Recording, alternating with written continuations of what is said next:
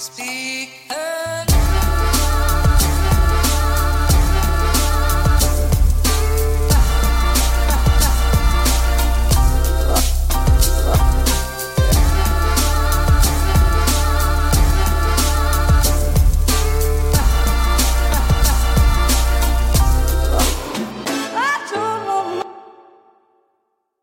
Ja, da var vi i gang, og velkommen hit til Klagemuren. Det er torsdag 7. mars, og klokka mi er 11.23.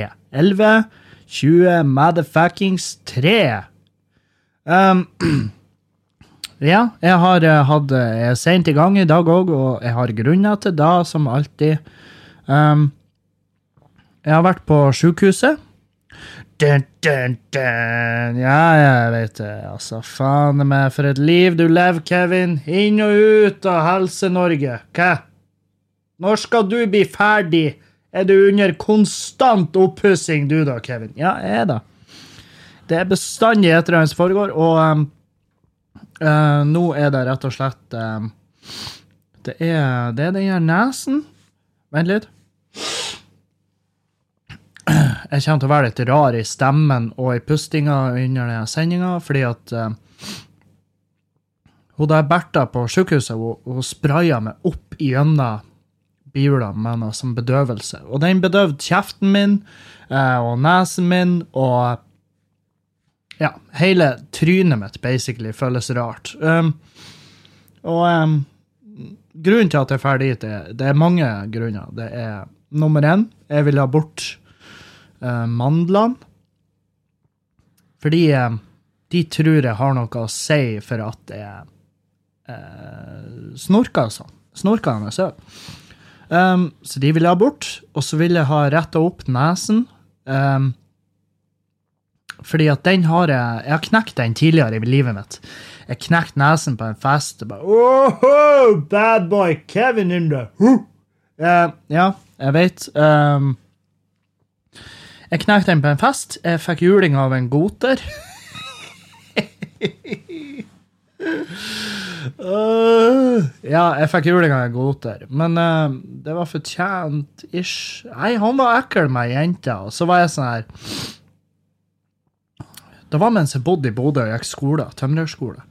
Så var jeg sånn her uh, Begynte å krangle med en goter, og, for han var ferdig med ei jente, og så heiv han ut, for det var jo min leilighet.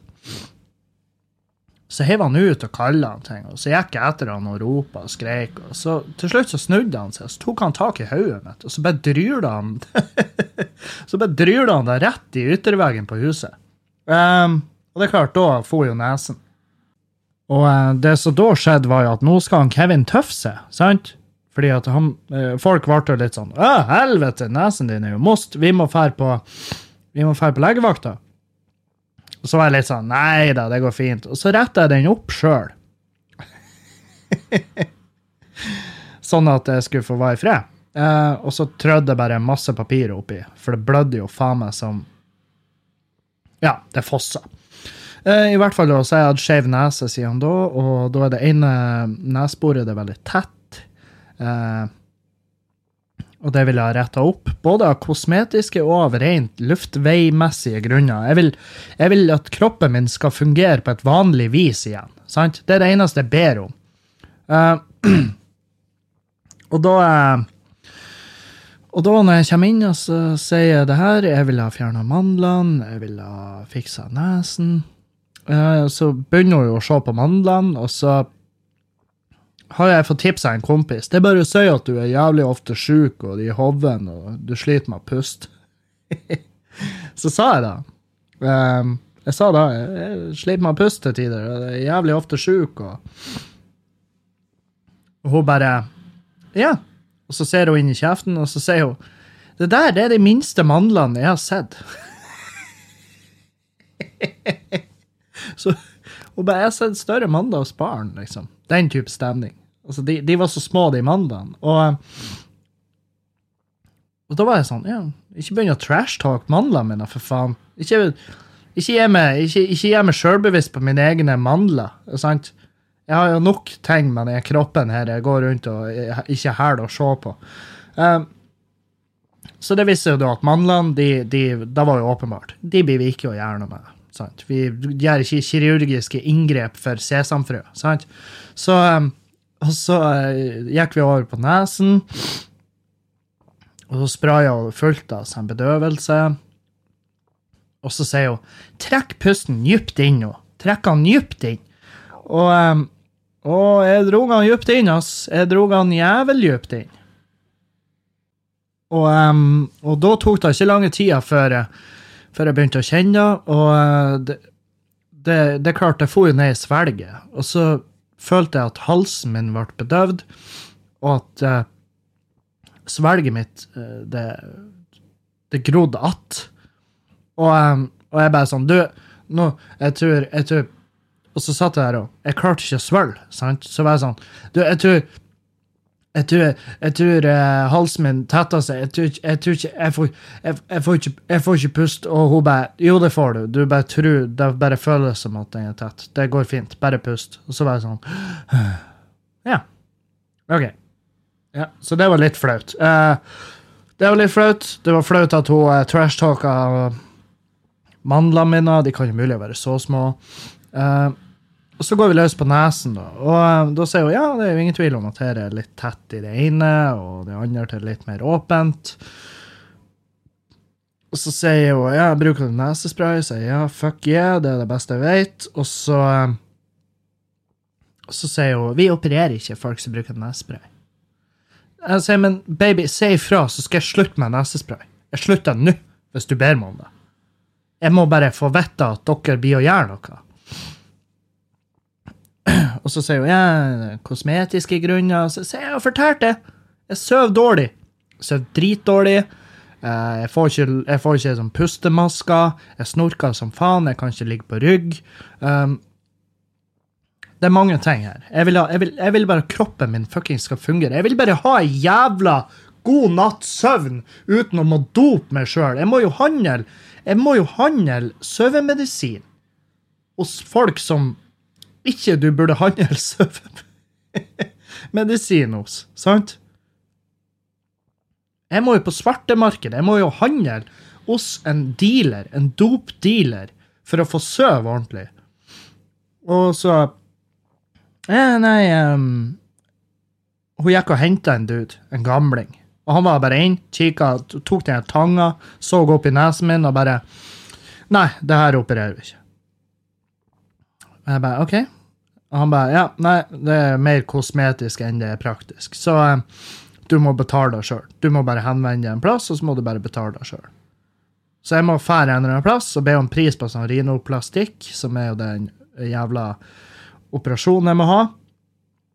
Og så sier jeg til henne, jeg bare sånn ja, en, en enn hvis jeg La oss si jeg går ut nå, så knekker jeg nesen.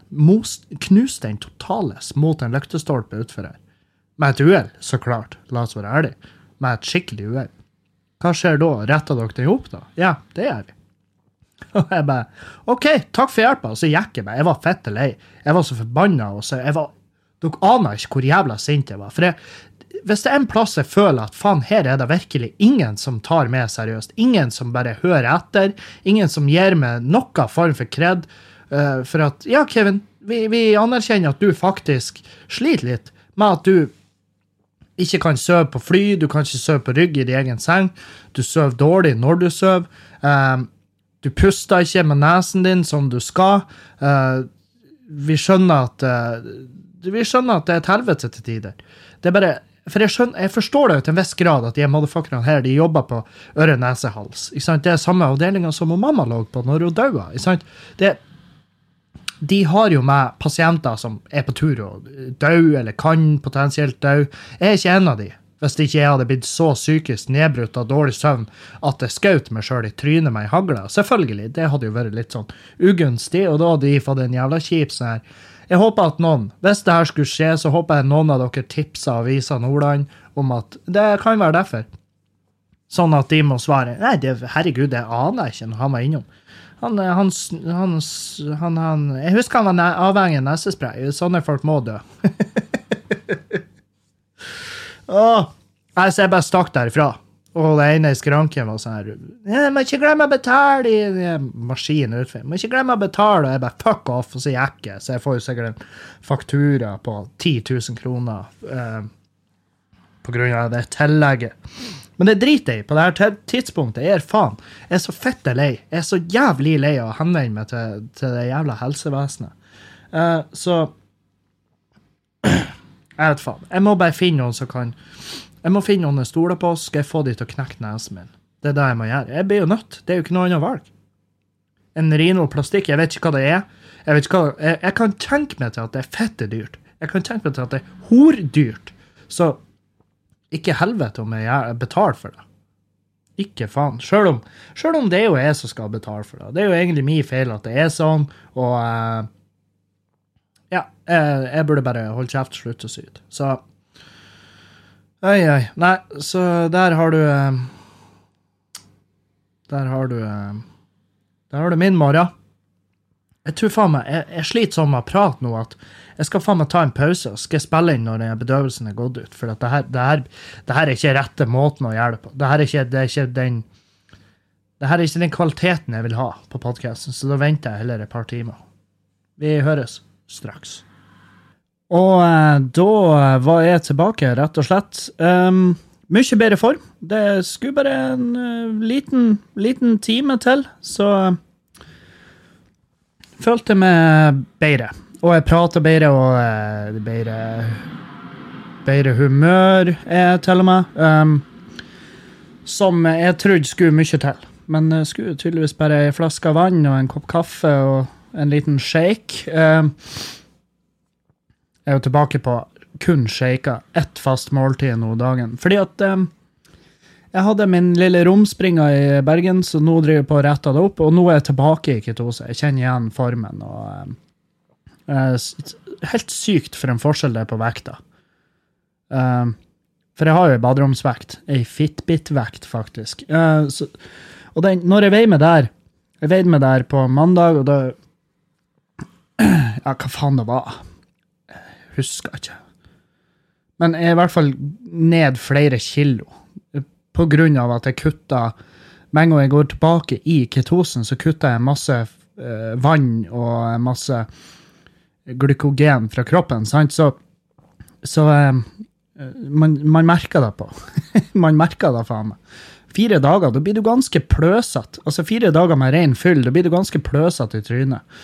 Um, men ja, nok om det. Um, jeg, skjønner hvis dere tenker at uh, faen for en sytkuk du er, Kevin. Du, du, du skal være glad du bor i Norge og har muligheten til å fære på et sykehus. Det er ikke alle som har det, nemlig. Og at du har de små plagene dine, og at du ikke får sove ordentlig. Hva, sånn er det bare. Ingen er perfekt. Ingen har et supert liv der ingenting kan endres på. Men av og til må man bare se, se fremover og tenke hvordan skal jeg komme meg gjennom det her, istedenfor å tenke herregud, hvor kjipt jeg har det. Så ja, jeg vet. Jeg vet. Tenk nå på alle de som har det så kjipt. Tenk på de som, det er faktisk folk som sulter i hjel i dag. Vi er i 2019, hallo. Det er folk som sulter i hjel. Ja, jeg sulter ikke i hjel. Hva med da? Jeg holdt på jeg, altså, jeg var på full fart mot å dø fordi at jeg gjør det motsatte av å sulte i hjel. Jeg var på tur å ete meg i hjel. Gjør da min situasjon noe mindre farlig? Å dø er å dø. Det er da det er. Og det at noen har det kjipt, at noen at selv om jeg har plages litt med den skeive lille nesen min, så selvfølgelig jeg anerkjenner jo at han Carl Oskar Terje eh, Nils, Nilsebakk tryna over motorsykkelen sin uten hjelm og fila ned hele fjeset sitt, sånn at han blir en, en jævla live-lik video der han sitter oppreist i ei sykehusseng, og det eneste du kjenner igjen av et hode der, det er den tunga som henger ut, mens resten er fila av og har markert ei midtstripe i en eller annen hovedvei en plass. Ja, jeg anerkjenner at han har det litt kjipere enn meg, selvfølgelig, men det gjør jo ikke den, det faktum at jeg er forbanna og lei av å ha det sånn halvveis kjipt. Det, det, det fjerner jo ikke det faktum det kan sette ting i et visst perspektiv. Ja, jeg ser den, men allikevel, det er jævla dritt. Sant? Så la meg være. Helvete. Ja, jeg vet faen. Jeg, jeg tror jeg først jeg har harka og snøte ut over en liter nå.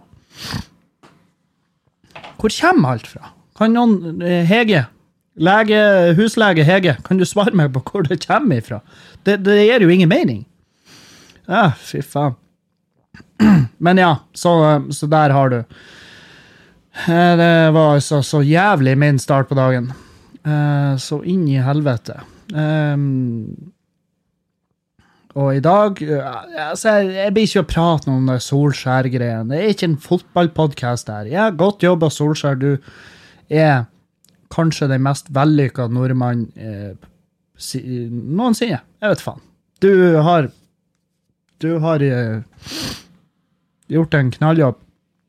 Gratulerer til Molde og alle de pengene dere får for det her, og gratulerer til alle det her angår.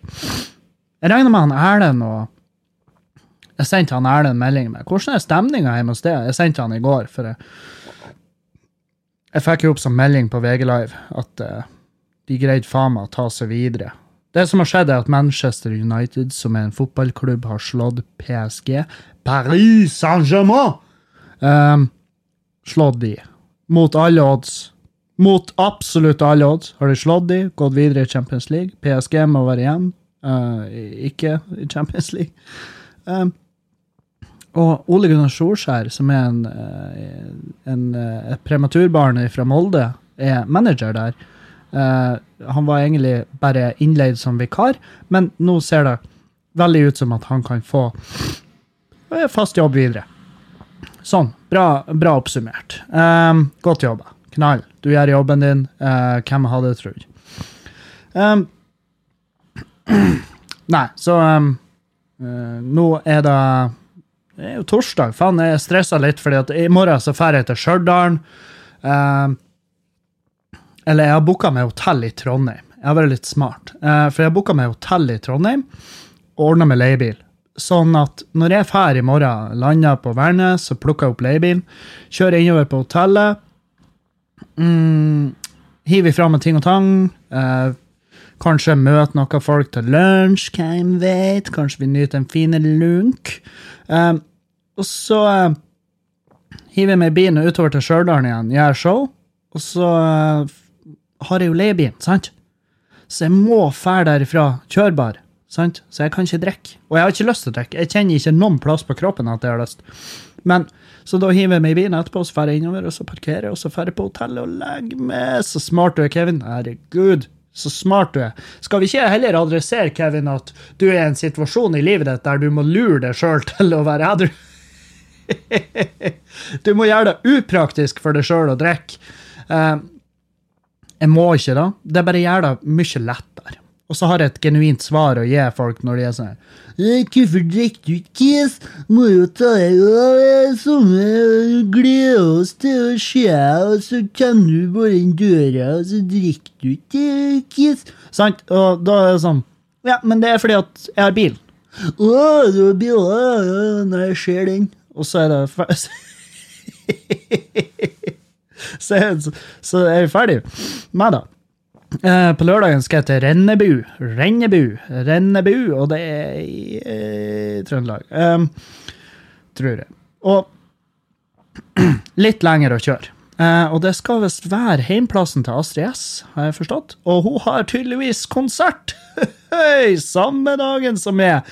I, veldig i nærheten. Så jeg er horspent på det billettsalget, men hvis du bor i nærheten, kan ikke du være så snill å komme? Gjør det for min del. sant? Uh, de har trubadur etter meg, så det blir full av halloi. Det blir en uh, helaften. sant?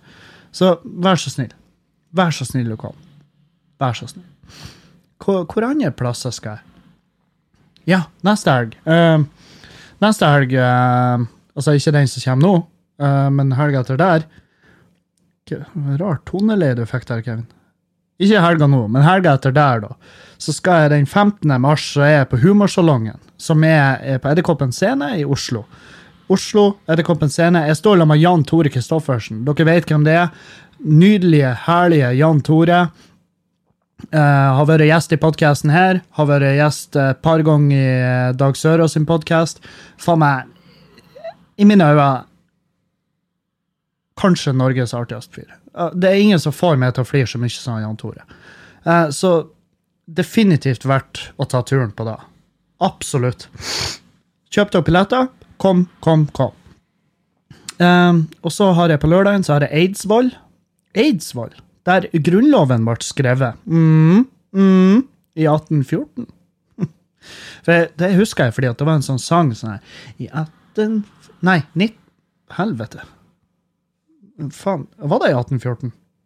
Nå ble jeg usikker på meg sjøl. Helvete. Skal vi google. Eh, 1814. Norges historie.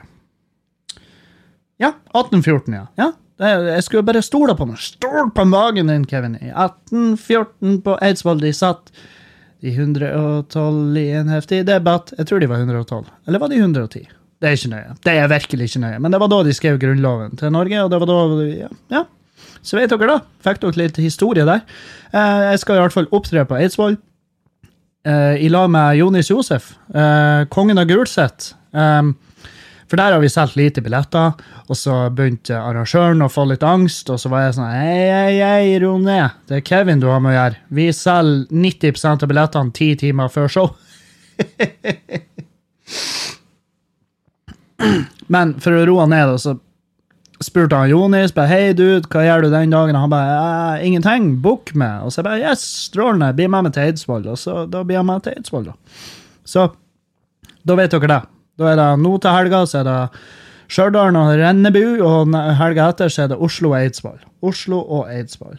Um, og så Nei.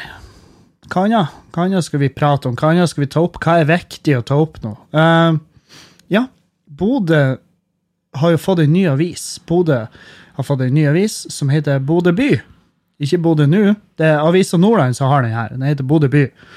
Uh, og det er en avis som handler kun om Bodø. Og det ligger jo kanskje litt i navnet. Uh, så det er jo sånn underavis til avisa. Og de har jo tatt opp allerede utrolig viktige saker, som eksempel en sånn hvalross som Det er utafor Utafor rådhuset og uh, domkirka der. Så er det en så ligger det en kvaros sant? Det det er en sånn statue, da. Det er ikke en ekte en. Uh, men han, det er en statue av en kvaros som uh, Som rett og slett bare ligger feil vei, mener folk. Folk har klikka fordi at den Ja, folk har bare eksplodert fordi at den ligger feil vei. De er dritsinte. De var sånn «Ja, 'Kan ikke ligge med ræva mot sognepresten'. Og bare 'hæ?' Ja, og så så jeg i kommentarfeltet og folk sånn 'ja, det er respektløst mot kirka at den ligger med ræva imot'. Og så hadde jeg blitt sakut av det, og det skal ikke være sånn, for det var ikke sånn før. Og du har de der, de som har det religiøse perspektivet, at det er urett, respektløst mot kirka. Og så har de kobla altså De begynte å tagge ordfører Ida Pinnerød. bare Hun bare Åhåhå! Her, nå skal jeg inn og vifte med hammeren og uh, fikse ting. Og um, det fikk hun til. Hun fikk gjort det. Så de blir å snu den her han, der han uh, hva, det er som styr? Uh, Kvaros. De er dritstygge, men jeg vet ikke hva Altså, det De har en viss sjarm. Jeg, jeg, jeg anerkjenner det definitivt. Men en hvalross er jo ikke et fint dyr. Du ser ikke på han og bare 'Å, herregud, hvalrossen, kom nå her.' Sant? Det er jo ingen som Men hallo med ræva mot, det er respektløst. Og eh, Ida Pinnerød snur, og de snur hvalrossen. Og um, folk er i harnisk. Det er bare helt nydelig hvordan uh, Endelig blir stemmene våre hørt! Ja, om den her helvetes messingfiguren i parken der. Det, det er din seier i år, det. Godt jobba, min mann. Uh, ja, men det er respektløst mot presten. Ja, kanskje. Kanskje det er derfor de snur den. Ikke av respekt for presten, men av respekt for hvalrossen. Fordi at eh, historien tilsier jo at du må jo aldri ligge med ei eksponert rev imot eh, kirkens offisielle personer. Det hadde vært avissaken sin, det. Hvis de hadde bare kommet en tidlig morgen, og så var sognepresten og forgrep seg på hvalrossen og bare Ja, men han ligger jo her med ræva imot meg. Hva skal jeg gjøre? Ræva hun så på meg, og så sa hun Er du der? Stikk på deg, vel? Ikke sant? Jeg vet da faen. Eh, Men de har i hvert fall bestemt seg for å snu den. Og that's it. Det, det, det, det, det er ikke noe mer enn det. Eh, De har også gjort en sak om at eh, 18-åringene i Bodø ikke får lov å drikke ute, fordi det er ingen uteplasser som vil ha noe med 18-åringene å gjøre. Eh, Og da er jo eh, ei eh, 18 år gammel jente som heter Sofia noe. Sofia. eh, Og hun har kommentert til den saken her at eh, eh, de sier at det er pga. Hærverk. Men jeg har ikke personlig opplevd noe verre enn at noen har kastet en snus på gulvet, sier Sofia. Og eh, da tenker jeg Nei, det er da Da, da har ikke du vært så jævlig mye ute, da. jeg er 30 år, og jeg har sett Jeg har vært 18-åring på uteplass. Um, jeg har riktignok ikke vært han der eh, Jeg har riktignok ikke vært han der hærverkduden, men jeg har vært så jævlig vitne til eh, 18-åringer hvordan de oppfører seg på uteplass, og det er faen meg Det er rein jævla det altså, Som uteplass så kan du ikke drive en Du kan ikke drive en jævla uteplass med det, med det forbeholdet om at hver forpulte søndag så må takstmannen innom. sant? Det vanlige er at ja, søndager, eh, da kommer vaskepersonellet innom. De kommer og vasker over gulvene, og de bytter papir i eh, holderne. og, og eh, ja, sånn der snacks. Men når du har åpent for 18-åringer, så må du faen meg, da må du ha inn If. Eh, De må gjøre en eh, skadevurdering, og takstmann står der og noterer, og bare helvete, det er jo bare å rive driten. Fordi at 18-åringer er forferdelige vesen når de får i seg alkohol. Det er så mye, det er så mye hormoner og drit. Og jeg sier at det her er Det er jeg, jeg, jeg har jo lyst til å si at det er 90 gutter som gjør det her, men det er fordi at jeg har jo bare vært på guttedass på uteplassene, så jeg vet ikke hvordan det ser ut på jentedassene. Men gutta, de henger seg jo i de jævla eh, papirdispenserne. Ikke sånn, ikke sånn at de tar livet av seg i de, eh, for da veier du jævla lite hvis du henger deg i de. Men eh, de river de av veggen, og de knuser vasker, og de velter toalett. Og, og, eh, og det her er, det er fuckings, det er enorme summer det er snakk om. I tillegg så er det ingenting å stikke under, det er ikke noe å stikke under stol at prisen Og hei, Sofia, hvis du hører på. Eh, prisen på øl kontra brennevin fordi at Det er jo det som er greia med å drive en 18-årsplass. Det er jo selvfølgelig de enorme utgiftene du har med å pusse opp etter å ha hatt dere på besøk. Det er jo et helvete. Det er jo et rent skjært jævla helvete. Jeg har vært med å rydde opp etter sånn her. Jeg har vært med å fikse vaska toalett eh, når jeg var eh, håndverker etter sånn her. Jeg har, jeg har sett hvordan det ser ut, og det er ikke kødd engang. Det er, det er utelukkende gærninger på den alderen der, for det, det foregår for mye i hodene deres. Og så tror jeg ikke de bare takler alkoholen dårlig, og så er det gjerne noe MDMA blanda inn, og da blir du jo fuckings Da blir du en gud, sant? Så um, Eller kokain, kanskje. Jeg vet da faen hva, stoff du må ta for å bli mest mulig hærverkvennlig. Det er jeg litt usikker på, for jeg har aldri følt på hærverklysta som en effekt av dop. Det har jeg aldri. Det kan jeg ikke si. Men eh, det er klart Det er mange stoffer som eh, forsterker det forferdelige vesenet du er inni hodet ditt, så Men ja. Hvis du setter sies, hvis vi, hvis vi setter sies alle kostnadene det tar å restaurere bygget en gang i uka etter å ha hatt 18-åringer på besøk, så kan vi se på hva som serveres i baren.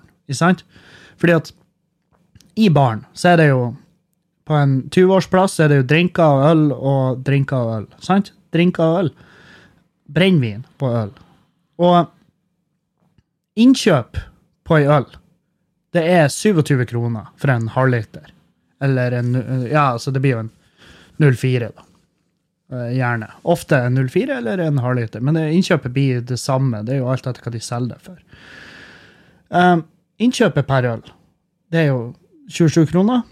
Eh, så hvis ei øl koster 85 kroner, sant? så er vi nede på uh, 58, blir det? Ja, rundt 58 kroner per øl. Det er fortjenesten der. Um, og så har du brennevinet. Drinken her, koster 100 kroner. Og det er som regel Altså, nå tar jeg, nå tar jeg ikke hardt i. 85 kroner for ei øl, det er også billig til tider. Um, vi har uteplasser i Bodø som selger billigere og dyrere. Og det samme med drinkene. Vi har uteplasser som selger billigere og dyrere. Og um, med Altså med Jeg regna på det her. Med blandevannet så er fortjenesten den er faen meg 78 kroner per drink i gjennomsnitt. 78 mot 58. Sant? Så dere skjønner at det er enkel jævla økonomi det er snakk om her. Det er da det er. Brennevin Altså, du, du tjener så jævlig mye mer på å selge brennevin enn øl. Og da sier det seg sjøl at de vil jo prioritere den, det kundesegmentet som kjøper brennevin, og spesielt hvis da kundesegmentet i tillegg oppfører seg som folk, og ikke som lugubre vesen som ikke har inventar hjemme, og derfor føler seg skuffa og trua når de kommer ut på en uteplass der de har inventar, og så må de rive det av veggene og hyle og skrike og slå seg på brystkassa for å få knulla, Sant? Det, det er det jeg tror. Det er det jeg tror. Men eh, nei, jeg skjønner uteplassene godt. Og eh, jeg bryr meg ikke. Eh, Og det er jo fordi at jeg ikke lenger er 18. Jeg husker jeg syntes det her var ekstremt, ekstremt, ekstremt irriterende. Når jeg var 18. Men nå er jeg ikke 18 lenger, så nå er det ikke ekstremt irriterende lenger. Det er en greie vi alle må gå gjennom, for det er en del av det å bli voksen. Det er alle, alle fasene. Så um, Hva annet har skjedd? Ja, noen har gitt knark til Julius. Å, herre min hatt. Og folk, altså, det som har skjedd, er at noen har kasta ei flaske med noe knark til Altså, det var noe knark innblanda. Jeg vet faen. GHB, eller hva, hva nå enn.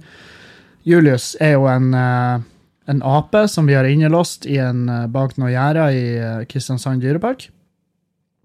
Um, og noen har gitt ham narkotika, og det er full furore, og folk vil finne ut hvem det er som har gjort det. og ja, Det er forferdelig for han Julius å ha fått i seg narkotika. Uh, jeg tenker sånn her, Hvis det er noen som har fortjent knark, så er det noen faen meg Julius. Helvete, la nå fyren ha i hvert fall ti minutter med, med hvor han ikke ser bekmørkt på livet. Jeg vet ikke, altså, Er ikke aper ganske lik oss i hvordan vi responderer på ting? Er det ikke derfor vi tester alle medikamenter på de her dyrene? Er det ikke fordi at de responderer omtrent likens? Kan ikke vi da la han Julius bare nyte en liten narkorus? For det er jo det, altså, la oss være ærlige, han, han har det ikke bra der han er. Det er ikke noe, det er ikke Days of Our Lives for Julius, sant? Så la nå fyren bare, la nå fyren knarke litt, helvete, hva det jeg har å si. Jeg skjønner jo selvfølgelig hvis han, jeg har ikke lest så mye på det, men jeg skjønner jo at det er litt sånn dumt hvis han var på tur og overdose og død, men eh, dere har han jo mest sannsynlig medikamer... Medi, eh, dere har han jo mest sannsynlig på medisin uansett, fra før av. For å holde han rolig, så ikke han skal hive drit og hyle til folk. sant? Nå får han trø rundt og gjør tøffe triks, og så får han vet faen, en kjeks eller noe. Og så danser han til tonene, og så er publikum dritfornøyd fordi at de syns det her det er sånn, sånn er ape i naturen. Sånn er det. Det her er dem i deres naturlige habitat. Um, det er jo ikke det. Gi fyren narkotika, helvete. Jeg, altså, hadde jeg vært innlåst i et bur, og noen hevet ei flaske med GHB til meg, så hadde jeg faen meg styrta den. Jeg styrta den uten å Jeg, jeg hadde ikke trengt noe tapas på sida eller noe. Jeg bare Å, hvordan type hvordan, Er det hjortefilet du anbefaler til den her, Hellstrøm? Og så har jeg botna den jævla flaska der. Fordi at det er faen meg det eneste som kunne gitt meg i hvert fall ti minutter med jævla eh, release i det fangenskapet. Kan hende det var forsøk på et barmhjertighetsdrap òg. Det vet vi ikke. Og det hadde vært i all effekt et barmhjertighetsdrap. Hvis han Julius daua av den overdosen der, så har jeg tenkt ja, nå får han endelig fred. Stakkars jævel. Sitter der på utstilling. Lever på utstilling. Og så er han Erlend har prata tidligere om hvor jævla til stede han er, og hvor utspekulert han er, og hvor mye han tenker. sant? Og da kan ikke folk bare Ja, men han er et dyr. Ja, ja, ja, han er jo da, men det er vi òg. Vi er òg dyr. Vi er bare dyr som fikk ufortjent uh, Vi fikk et ufortjent heftig sprang idet vi oppdaga språk og tall. At vi kunne snakke med hverandre og prate i setninger. sant? Med en gang vi innså da, så tok vi kvantesprang, og vi, vi for ifra vår egen evolusjon. Det var ikke meninga at det skulle gå så fort. Og det er ufortjent som faen. Men det som også er ufortjent, er at de karene som ble igjen når vi gikk videre, de har vi sittet i bur, og de står vi der og, og kaster sneiper på og hyler til at nå må du faen meg danse, jeg har betalt 50 kroner for å komme inn her, er her jeg, jeg krever mer. Jeg krever mer, Julius. Hører du sangen, eller? Hører du hvor tøysete vi er? Sant? Gi fyren knark, og la han søvn stille inn i, i verste fall.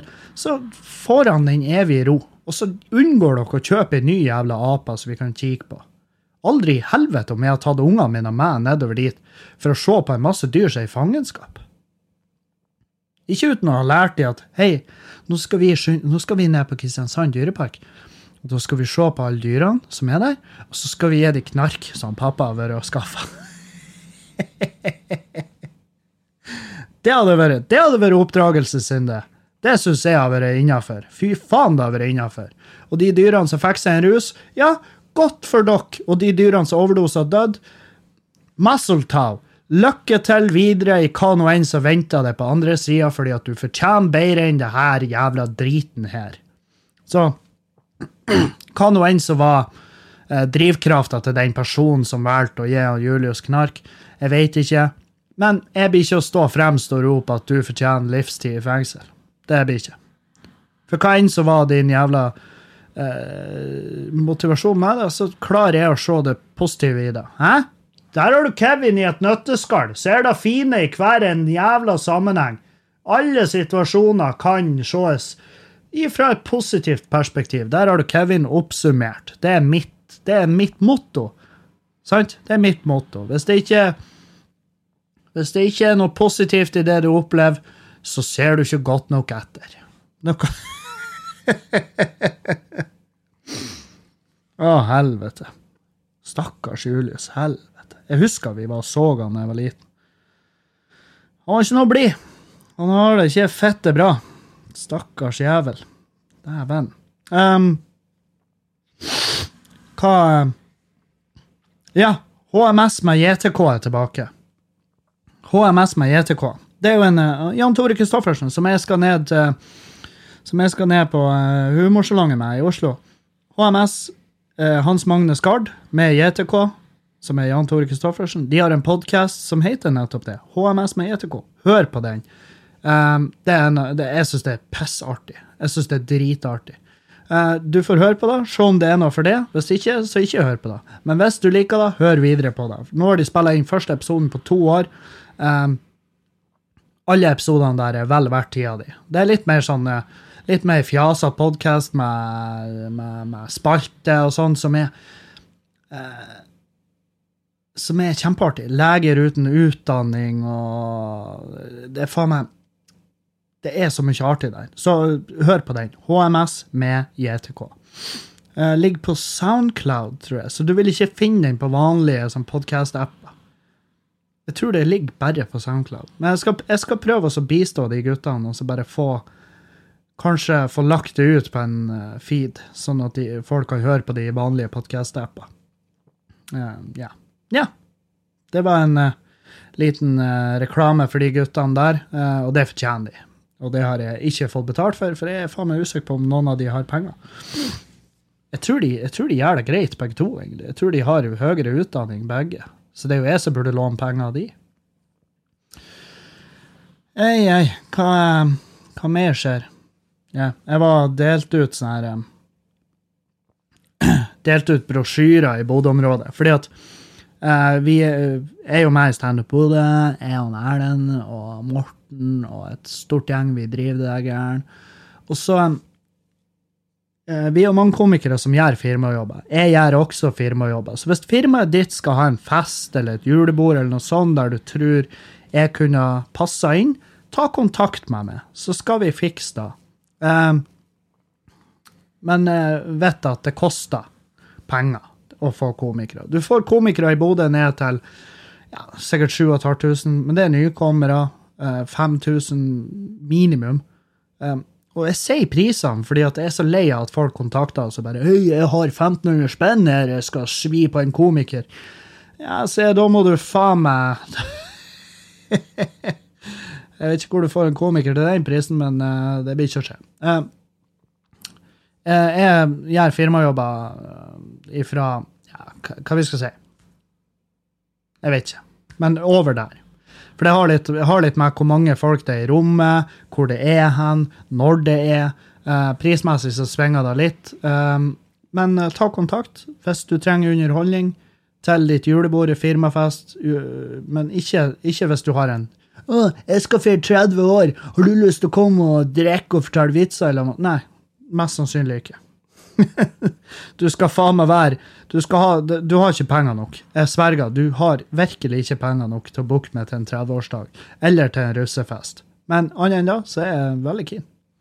Um, I hvert fall, jeg var delt ut brosjyrer for Standup Bodø, for vi til hoteller og sånn der, sånne event uh, for, Folk som har med events å gjøre.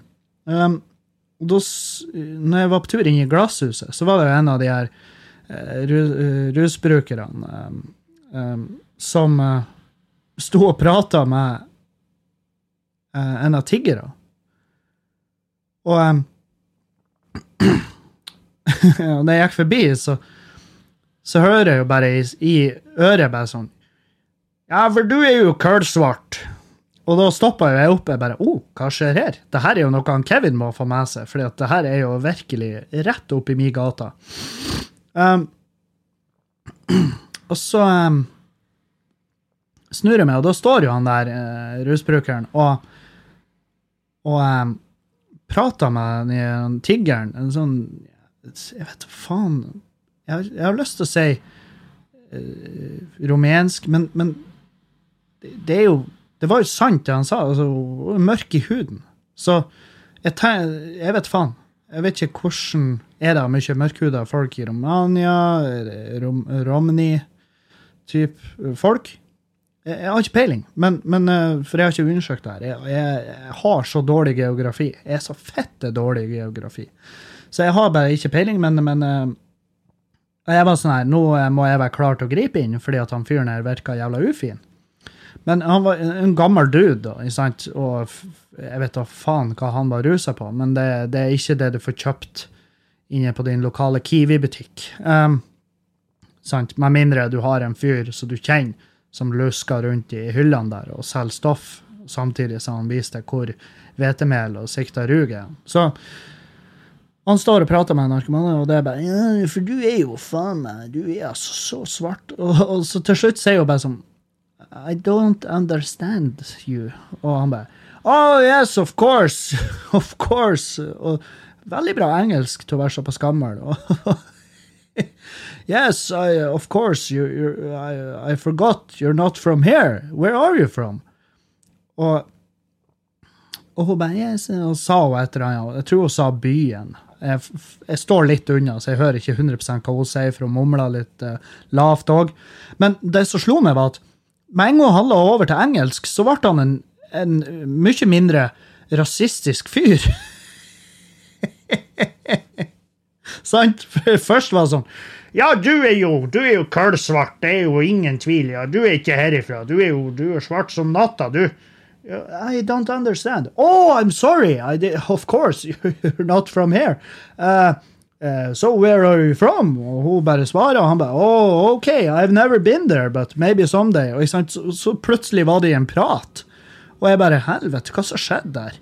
Gikk han fra å være blodrasist til å bli bare en hyggelig dude som lurer på genuint hvor, hvor, hun var ifra. Om det er fint der på denne tida av året. Kanskje han leter etter et reisemål. Hva vet vel jeg? Men eh, eh, jeg sto jeg sto kanskje ti sekunder til før jeg, før jeg bare konkluderte med at ja, det her blir ikke å eskalere heller. Uh, han bare er pratsjuk. Så, så, jeg måtte bare gå. Jeg skjønner jo at den historien ikke nødvendigvis har noe bra Den har ikke noe effekt, og den har egentlig ikke noe høydere. Annet enn at jeg bare ble så jævlig fascinert over at han var Altså at hans rasisme er avhengig av hvilket språk han snakker. um, så ja, uh, det var Det var, det, var, det, det var gårsdagen oppsummert. Vi skulle egentlig spille inn podkast med han Erlend, men han har jo huset fullt av hunder og unger, og det er jo ferie og greier. Og det er ikke så lett å være Erlend. Det er veldig lett å være Kevin, men det er supertungt til tider å være Erlend, fordi at det foregår så mye rundt han. Så nei, det er noe sånn eh, Sånn er det å være gammel. Det fine med å være gammel er at du kan jo være frekk og ufin uten at folk Men jeg tror ikke han Erlend er så Jeg tror ikke han er så gammel at han kan gå rundt og kalle folk for ting. Um, men, eh, men jeg, jeg tipper han gleder seg til å være i den alderen. Jeg gleder meg i hvert fall som faen. Jeg skal, når jeg er gammel, så skal jeg ha, hus, eh, skal jeg ha et svært hus. Eller ikke et svært hus, et lite hus med en svær hage. Og så skal jeg ha sånne fotballmål og eh, basketballnett og eh, faen, kanskje et shuffleboard som tåler vær, stående ute i hagen. Og med en gang jeg ser unger i hagen, skal jeg skyte med luftgevær.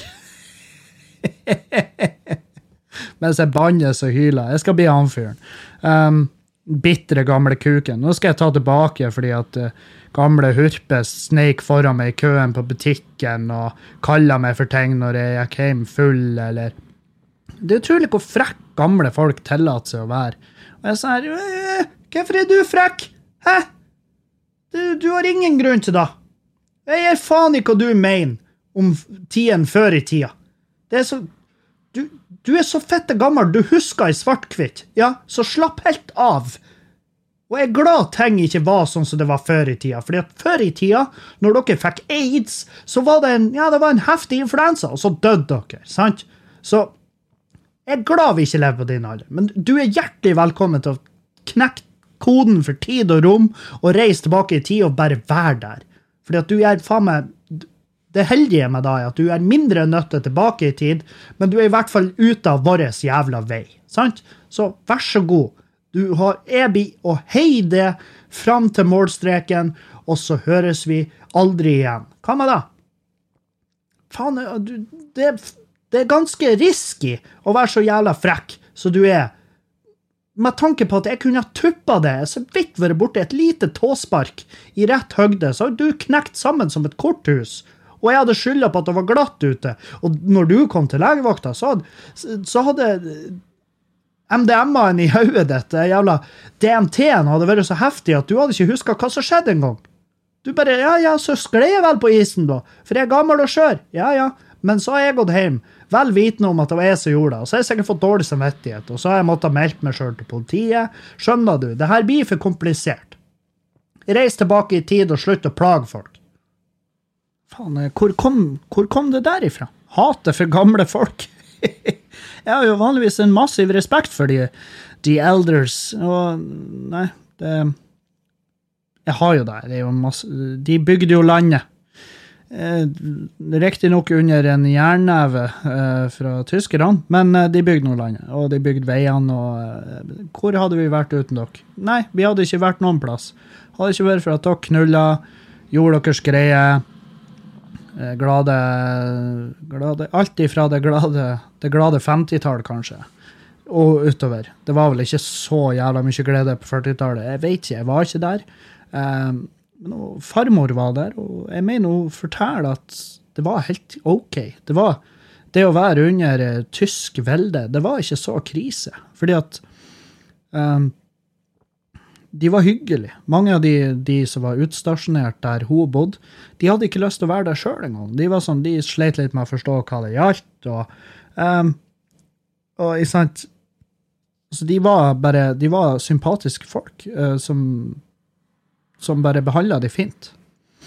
Men det er klart Hvis det hadde kommet til stykket, og de fikk en ordre, så hadde de jo sikkert endret etter hver en jævla sivil de så. Så, så det er jo ikke nødvendigvis eh, Det er jo ikke nødvendigvis et eh, Det, det er litt tidlig å telje, kanskje. Eh, Eller, det er jo ikke tidlig å telje, men det, vi kan ikke avføye det så enkelt. Jeg bare sier at i, på Neverdal, der farmor vokste opp, Neverdal i Meløy, så var det helt OK stemning, ifølge jo farmor, når alt hadde roa seg. Det var noe bombing og noe Det var noen fra Meløy som ble sprengt, eh, som ble drept, er vel det rette ordet. Som mista livet til noen granatsplinter, mener jeg å ha lest. Og så har vi jo den eh, velkjente eh, eh, sabotasjeaksjon eh, i, i eh, Glomfjord, som var opera, Operasjon Muskedunder, som nå lages en serie om, tror jeg. Um, den gleder jeg meg til å se. Det tror jeg blir fett. Det er liksom det vi har av lokalhistorie. Og det var fordi at eh, de allierte vil unngå at tyskerne laga Hva det var de laga der? Det var, det var vel ikke tungtvann? var det? Det var vel bare at de laga aluminium eller et eller annet. Skjønner du hvor lite belest det er? Jeg tror det var aluminium de laga. Eh, så de sprengte rørgatene til, til kraftverket, for at kraftverket der er drevet av vann som kommer fra fjellet. Så var de jo sabotert der. Og det var noen folk som daua, det var en helvetes tur de gikk eh, fra Bjerangsfjorden. Jeg vet nok. Jeg kjenner han fyren som fant For det var noen våpen som ble gjemt oppe i fjellet, og så var de lenge savna. Og da var det en unggutt uh, fra Bjerangen som eh, heter for Ruben. Han fant det jævelskapen. Han retraca alle sporene deres eh, veldig nylig, og så fant han de gjemt under en stein. For en jævla For en gen, genial type. Eh, så godt jobba, Ruben. Podca dagens podkast er dedikert til det.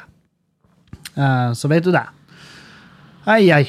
Eh, nei, slutt å være sint på gamle folk. De er gamle.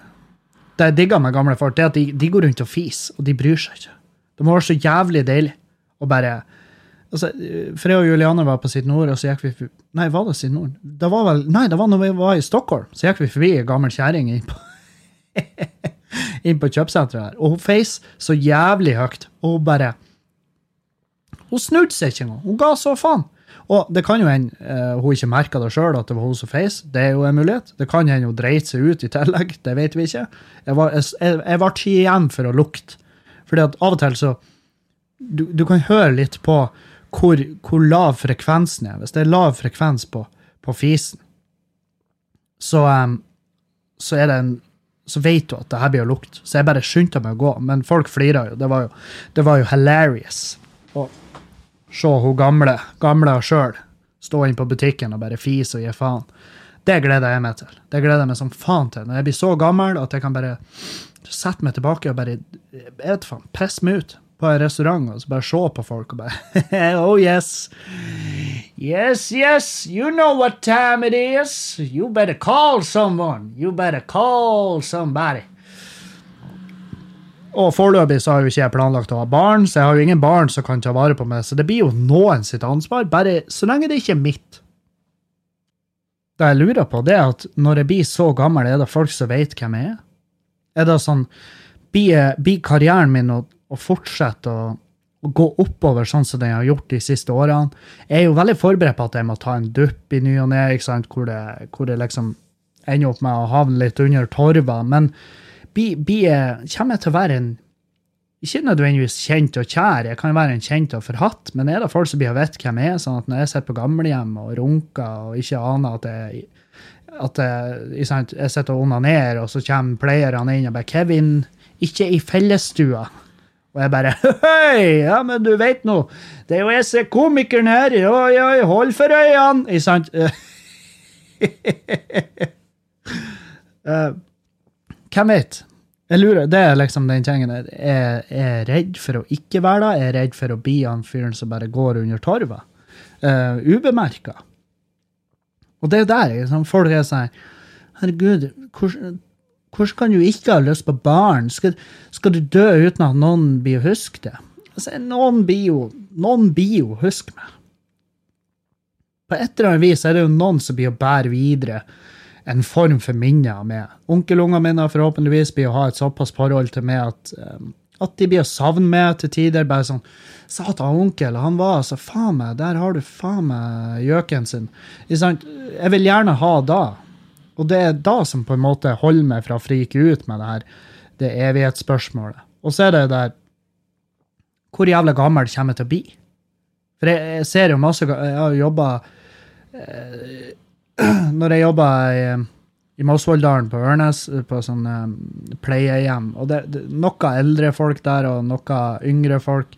Eh, men uansett folk som trenger eh, en eller annen form for bistand. Og mange av de eldre jeg ser, så tenker jeg helvete, det der Det er altså faen ikke for meg. Det er ikke min eh,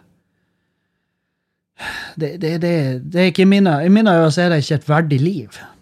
Sant? Å være i den formen. Men hvis jeg skulle ha vært i den formen, så skulle jeg faen meg tatt det helt ut. Jeg skulle rocka det så inn i helvete med å bare, bare skulle, folk skulle, Men selvfølgelig på et smakfullt vis. Jeg kanskje ikke drive på og pisse meg ut med vilje bare for at noen skulle vaske kuken min. Selv om jeg tror det er mange som gjør det. Jeg tror det er mange som, jeg tror de liker at sykesøstrene er der og gjør rent. men eh, For det har jeg nemlig fått fortalt av ei venninne av meg som er sykesøster, at eh, han er, vi har folk som er gamle, men dæven, ting funker ennå. Det er ennå liv i det her, eh, i den skinnfella. Og ja, jeg, jeg- vil jo håpe at det ikke blir han da, som bare indirekte eh, trakasserer de som jobber med meg. Eh, Men eh, nei, hvis jeg skal bli så gammel, så vil jeg være han artige fyren. Jeg vil fortelle syke historier fra mitt liv som artist. Forhåpentligvis er jo Julianne der, så jeg kan drive på og plage henne litt. Men jeg, jeg har jo en fæl tendens til å skremme henne. Det, det syns jeg er artig. Å skremme Julianne. Hun er veldig lettskremt. Og hun har som regel et headset på seg i det huset, så jeg kan snike meg opp på henne uansett hvor hun er. Og så kan jeg skremme henne. Um, og det tenker jeg, det, det syns jeg er artig. Eh, men det er jo kanskje ikke så artig hvis vi blir, la oss si, 70 73 og 70 år gammel i lag, eller 83 og 80 år gammel i lag, og så er vi på gamlehjem, og så skremmer hun, og så hun, og så må jeg liksom ha dårlig samvittighet i fem dager før jeg sjøl dauer av ensomhet og savn og sorg. Sant? For det gjør gamle folk. Når de mister den, eh, det kjæreste de har, så det, tar det veldig kort tid etterpå, så dauer de sjøl. Fordi at det blir for mye for dem. Og de bare 'Jeg har ingenting å leve for'. Og på den alderen så kan du si det. Altså vi, vi som er 30, vi kan si 'Å, jeg har ingenting å leve for', og så dagen etter så er det sånn 'Uh, mat'. Ikke sant? Det, det, det, det er ikke sånn det funker. Mens de som er så gamle, de er sånn 'Jeg har faen meg virkelig ingenting å leve for'. Og så dør de. Um, når oldefar døde, uh, så tok det jævlig kort tid før oldemor døde. Det husker jeg. Og hun sa sånn, her- og hun sa sånn «Nei, 'Jeg har ingenting igjen'.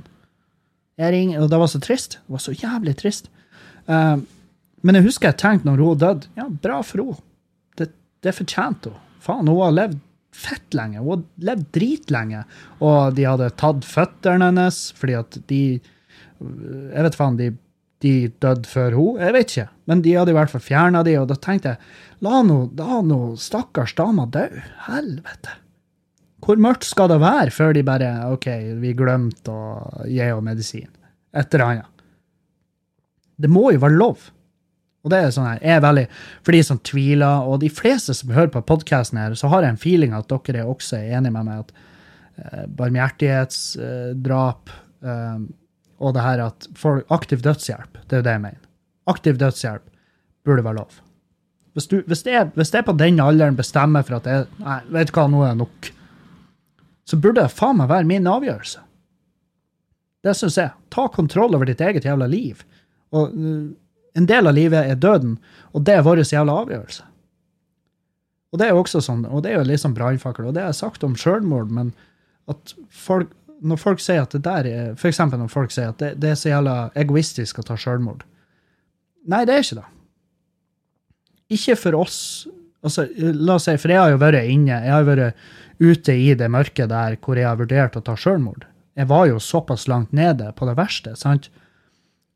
Og da tenkte jeg da, Når du er i det mindseten at du skal ta livet av det, så er det ikke Hvordan skal jeg si det her? Uh, så tenker du ikke det her er egoistisk gjort. Fordi at du er så mørk til sinns at når du er på det punktet der du vurderer å avslutte ditt eget liv, så er mindseten din sånn at folk jeg blir å få det bedre, folk rundt meg blir å få det bedre, for de slipper meg. Det er såpass mørkt. sant? Man tenker at venner og familie Jeg, jeg, var, såpass, jeg var såpass djupt ute i det at jeg tenkte at mamma og pappa de blir å ha et bedre liv uten meg, fordi at de bruker altfor mye tid på å bekymre seg for meg, plages med at jeg trenger penger, eh, være sint på meg eh, fordi at jeg fucka opp ting. Eh, Eksen min blir å ha det bedre, for hun slipper å tenke på at eh, jeg finnes. Vennene mine slipper å høre på sytet mitt. Så det veldig ofte så er et selvmord uh, en, en vurdering man har gjort hvor verden blir et bedre sted uten det. Det er ikke sånn at du tenker at det her er en, eh, her er en egoistisk handling.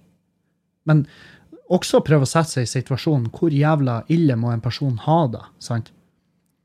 Og det trenger det, det er veldig ofte liksom, Folk tar livet av seg. De, de har penger, de har hus, de har familie, de har unger, og så bare plutselig er de borte.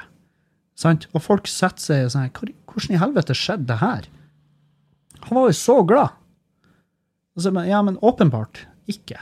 Sant? Men det er jo, det, ans det er jo den fasaden de tar på seg. Sant? Så arbeidet, arbeidet burde jo ikke ligge i å finne ut hvem er det som er i fare for å ta livet av seg. Arbeidet burde jo ligge i å forebygge det at folk kommer til et punkt der de har lyst til å ta livet av seg. Og så er det å fjerne det tabuet. Sant? At det ikke, skal, at det ikke er greit å snakke om. Sant?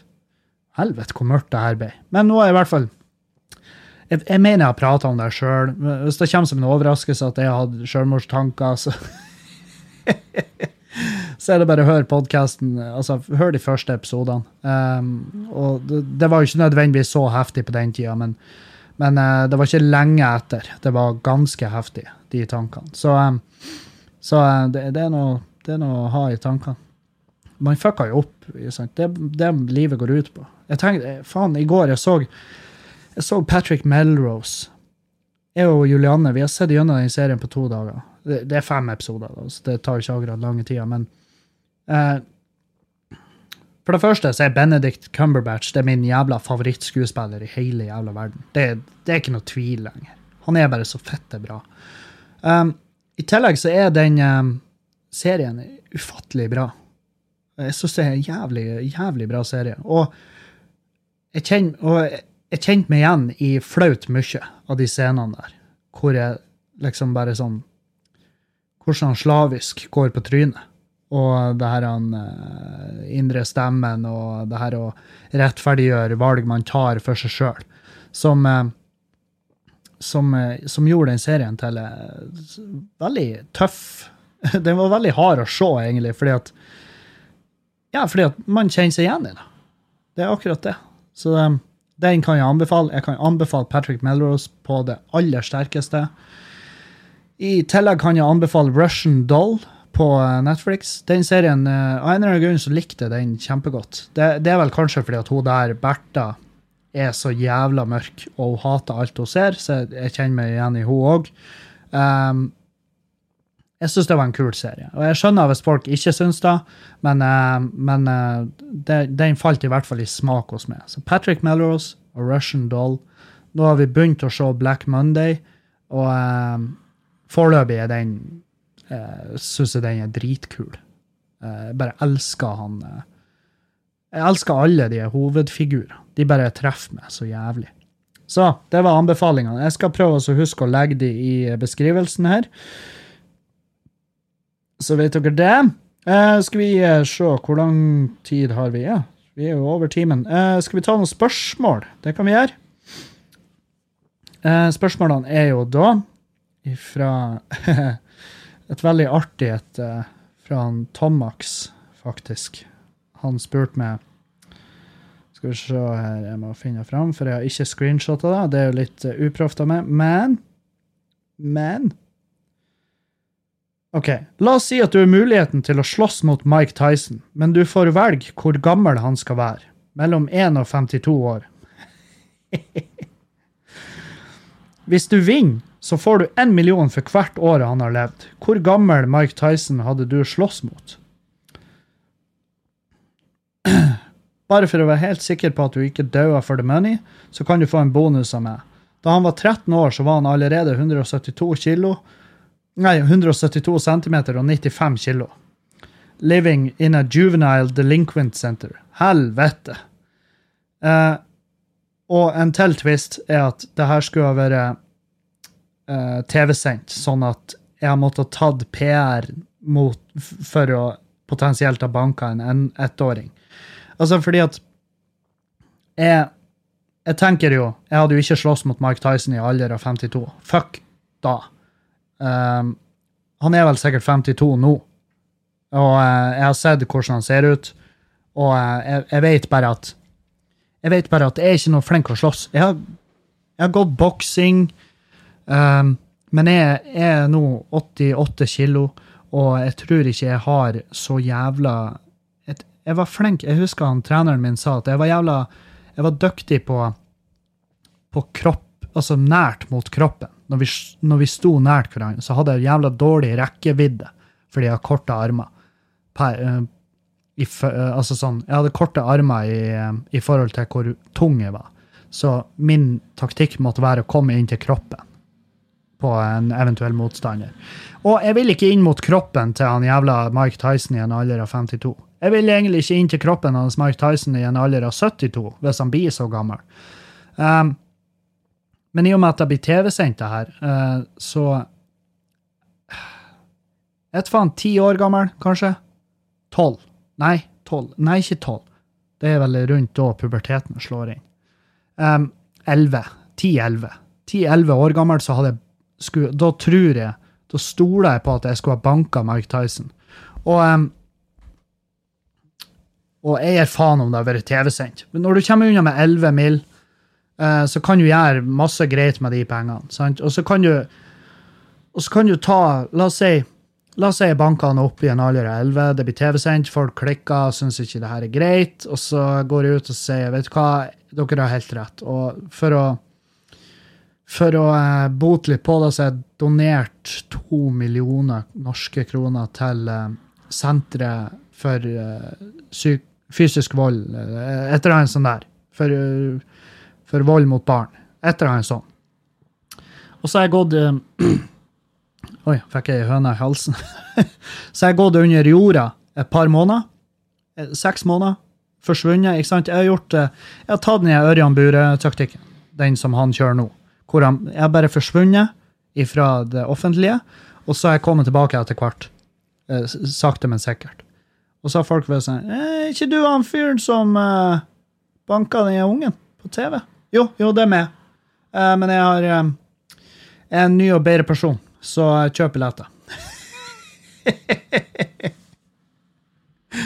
Men faen, jeg skulle kose meg godt med de pengene. Så nei, svaret er avgitt. Elleve år. Elleve år gammel Mike Tyson skulle jeg ha prøvd å banke opp. Ja. Uh, skal vi se her. Så deg på show i Narvik, og det var meget bra. Du er en dyktig komiker som har forbedret seg altfor mye siden Arnfinneset. Tusen takk for det. Men til mitt spørsmål til podkasten. Jeg er en mann på 25 år og har gått en utdanning eh, samt tatt fagbrev, men tviler fortsatt på om, dette er, om det er dette jeg trives med å gjøre.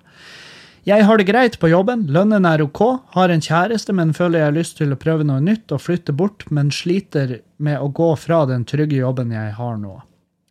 Vil kjæresten bli med meg bort, selv om hun har familie her vi bor nå? Jeg har ingen familie her, måtte flytte fra, for å ta utdanning og lærlingtida her.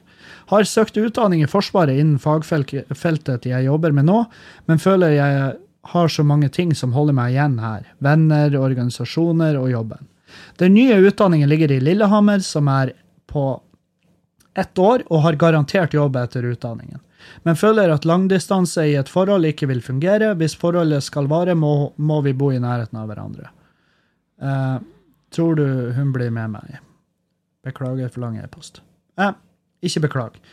Du må spørre, du må, Den første du må prate med, er kjæresten din. Hvis, du, hvis du tenker at det forholdet her vil du beholde, um, og du Altså at din, ehm, at din trang for å få en ny uh, for å få en ny scenery rundt det, hvis den trangen er større enn forholdet, så prater du med oss og sier du, jeg må gjøre det her for min egen del. Jeg håper du blir med meg. Eh, Så svarer hun nei, og så sier du OK, men da takker jeg for laget, og det var en fin reise. Um, det går an. Det er ingen som kan se, det er ingen som kan se ned på det for da. Um, men prat med henne. Hvem vet, kanskje hun blir med det. Kanskje hun har lyst til å oppleve noe nytt, hun òg. Veldig ofte så har folk det. Uh, og bare forsikre henne om at vi skal reise hjem hele tida og besøke folk. og Dere gjør jo ikke det, men det er en ting du kan si. Um, men hvis du har lyst på en ny, uh, Prøv noe nytt, så, eh, så uh, gjør det. Det trenger du. Fordi at hvis du er 25 år nå og har den følelsen, så blir den ikke bedre etter hvert. Og ikke begrav den, for da blir du en av de der som bare som bare svinner hen inn i en gammel type jobb du, som du egentlig hater, men du, du plutselig har du så mye forpliktelser at du ikke kan ignorere det lenger. sant? Og da, da er det ofte for seint. Så gjør noe med det før det er for seint. Det var faktisk eh, Det var alle vettuge spørsmål jeg hadde fått, som jeg i hvert fall kan se. tusen takk til alle som sender spørsmål. Det, det, er så jævla viktig. Så hvis du har noe du plages med, eller noe du har lyst til å Ja, hvis det er noe du har lyst til å høre min take på, så, um, så bare send inn.